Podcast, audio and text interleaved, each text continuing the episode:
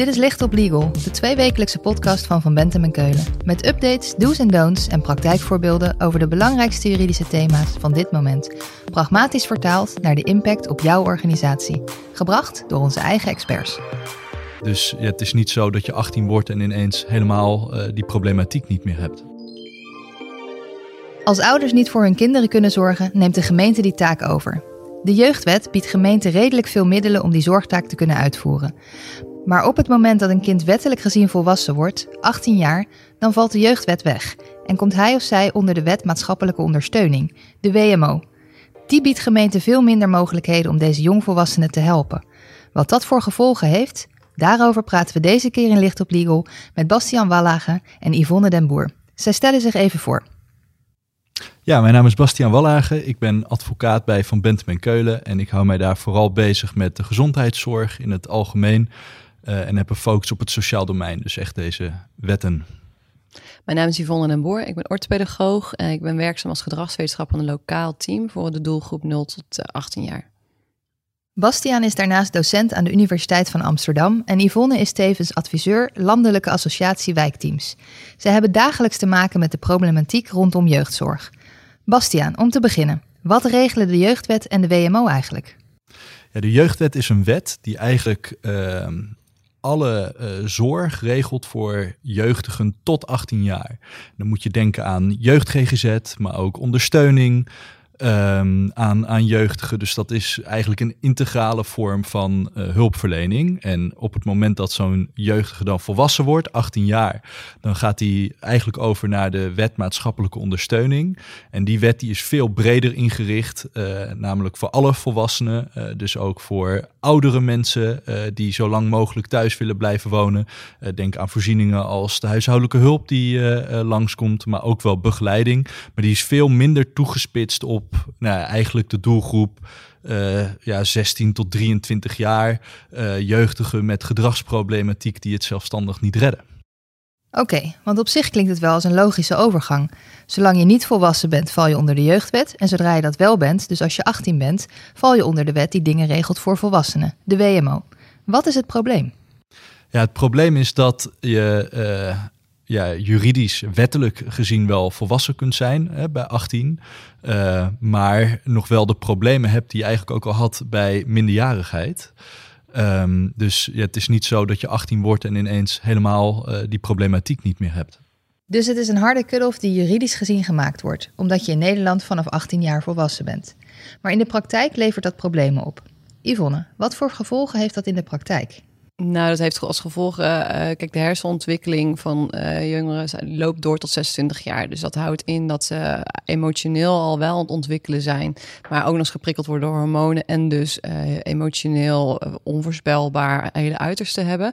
En het rationele brein is nog, dan nog bezig om te ontwikkelen. Dus ze hebben minder impulscontrole, ze kunnen moeilijker plannen, hebben minder zicht op lange termijn gevolgen. Dus als jij opeens met 18 heel veel begeleiding hebt gehad en dat stopt en van jou wordt verwacht dat je meewerkt en zelf initiatief neemt, terwijl dat voorheen uh, niet hoefde en je eigenlijk dat nog niet kan. Uh, zo kan dat voor problemen zorgen, want de hulp vanuit een lokaal kan, team kan stokken als jij niet op afspraken verschijnt. de begeleiding die je vanuit een instelling of een zorgaanbieder krijgt, kan stoppen omdat je niet meewerkt of afspraken mist. Ehm, ze, ze hebben ook financiële problemen dan vaak, omdat dan zorgverzekering hè, om de hoek komt kijken. Je moet daar maandelijks best wel fix aan betalen. Je krijgt een toeslag die je soms dan al opmaakt aan andere leuke dingen, zoals nieuwe In de plaats van daaraan te besteden. Je krijgt eigen bijdrages voor behandelingen. Dus, uh, en je, als je bij de WMO-kamer uh, trainingen krijgt, waar je voorheen bij de jeugd werd dat allemaal voor je betaald werd, de huur, een soort zakgeld, ondersteuning, valt dat helemaal weg. Dus je moet je eigen huur betalen. Je moet je eigen bijdrage aan de ambulante ondersteuning vanuit de WMO betalen. Je moet je zorg zorgverzekering betalen. Dus de schulden stapelen zich dan vaak op. En als je dan ook nog eens een keer het geduld mist bij de jeugdwet, waarin begeleiding dan nog wel eens je een tweede kans of een derde kans of een vierde kans geeft, maar bij de WMO zegt ze, joh, weet je, je hebt weer een afspraak gemist of je houdt je niet aan deze afspraak, dan moet je uit deze instelling of stoppen met deze begeleiding. Sta je op straat met schulden zonder ondersteuning. Dus eigenlijk zit er een verschil tussen biologische volwassenheid, dat is bij 26 jaar, en wettelijke volwassenheid bij 18 jaar. Dat is dus niet een klein beetje.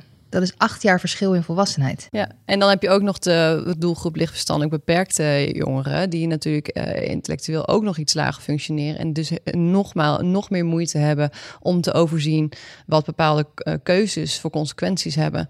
De, uh, en die merk je vooral in dat gat verdwijnen, in die 18 min, 18 plus overgang. die, de, de, overstap naar de WMO is dan echt veel te groot, veel minder ambulante begeleiding en, en ondersteuning dan. Wat gebeurt er dan met die jongeren? Vaak zien we heel veel financiële problemen. Uh, je moet verplicht een zorgverzekering hebben. Als je die niet betaalt, dan uh, krijg je enorme schulden.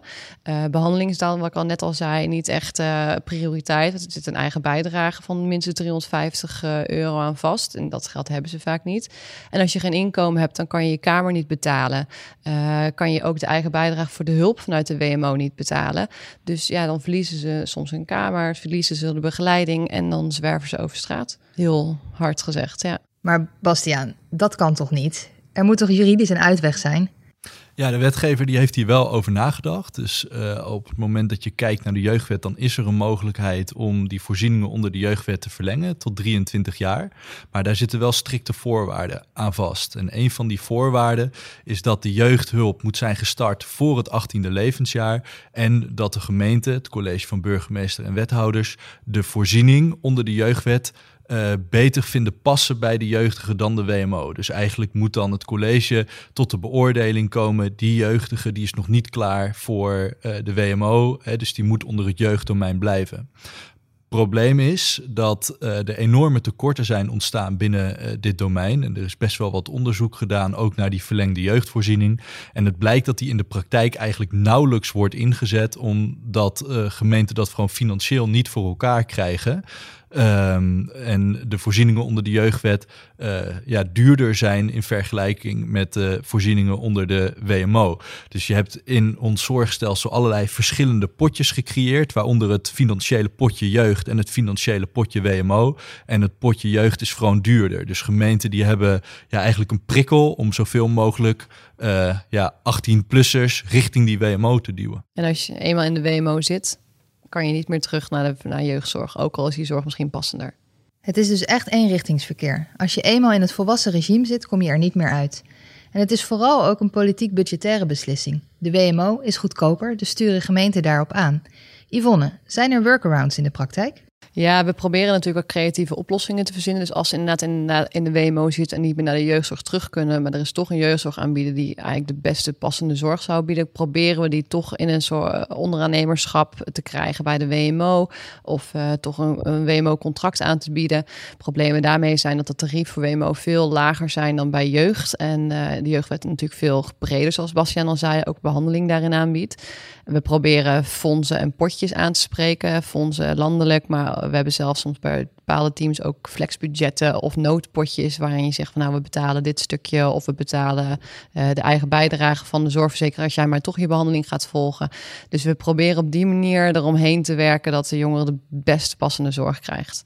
Bastiaan, dat zijn de pragmatische workarounds.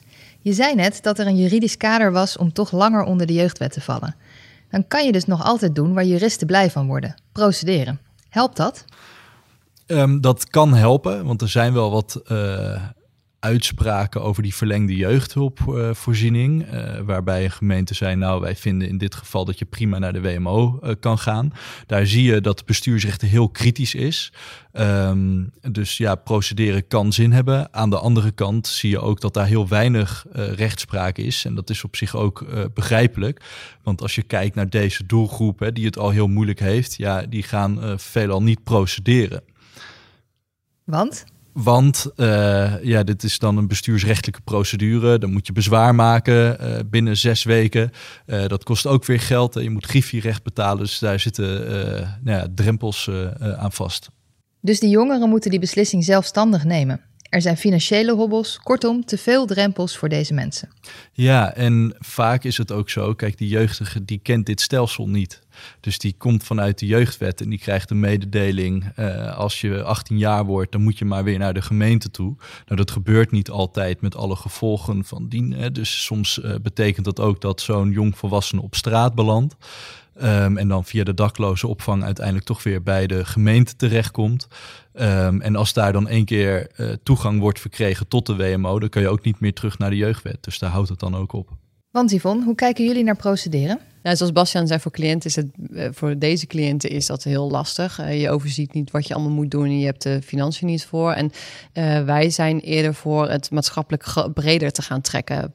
wij halen bij de individuele casussen, maar gewoon het maatschappelijk probleem openleggen door praktijkvoorbeelden op een, op een grotere schaal te bespreken. wat maar heeft deze doelgroep nodig? Leg een aantal voorbeelden neer en wat kunnen we hiervan leren? Ik zou vanuit dat lerende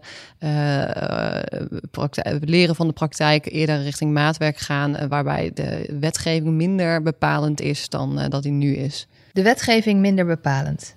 Bastiaan, kan dat überhaupt? Dat is toch wat een wet doet, dingen bepalen?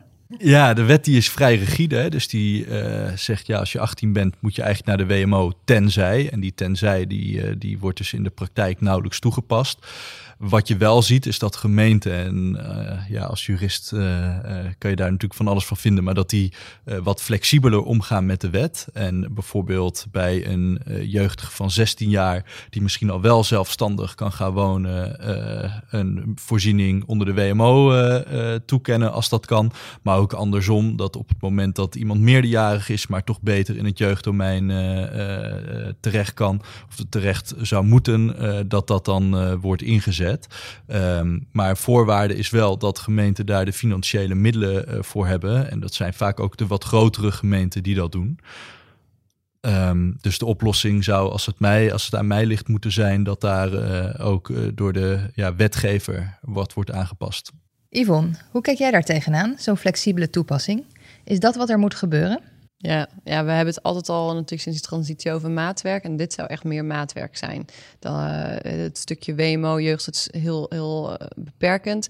En door het flexibel inzetten over verschillende, over de hele leeftijdscategorie. Dus al met 16 of met 23 jeugd en WMO. Dat zou al heel veel in de praktijk schelen. Dat zou uh, wel mooi meer oplossingen geven. Bastiaan, is de wet aanpassen voldoende?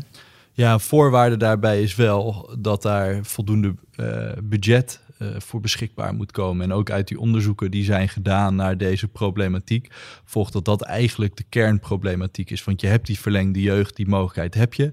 Die wordt onvoldoende ingezet door gemeenten, vaak ook vanwege, vanwege financiële overwegingen. Uh, dus op het moment dat je hiervoor kiest, ja, dan moet daar ook budget voor komen. En dat nu een aantal gemeenten die dat dus blijkbaar ook kunnen financieren doen, dat is natuurlijk prachtig. Maar uiteindelijk is hier de wetgever aan zet. want dit zijn dan wel gemeenten die zich eigenlijk strikt genomen niet aan uh, de wettelijke afbakening houden. Um, dus ja, de wetgever is aan zet, zou ik denken. Bastiaan en Yvonne, dank jullie wel. Om af te sluiten, Bastiaan, als mensen meer willen weten over de jeugdwet en de WMO, waar kunnen ze dan terecht? Ja, iedereen kan natuurlijk altijd contact met mij opnemen. Uh, en mijn contactgegevens zijn te vinden op, uh, op de website van Van Bentem en Keulen. Dit was Licht op Legal, een podcast van Van Bentem en Keulen te beluisteren via Spotify, Apple Podcast of je eigen favoriete podcast-app. Wil je meer weten? Heb je suggesties voor een onderwerp? Of wil je dat onze experts hun licht laten schijnen op jouw juridisch vraagstuk? Laat het ons weten via vbk.nl/slash lichtoplegal.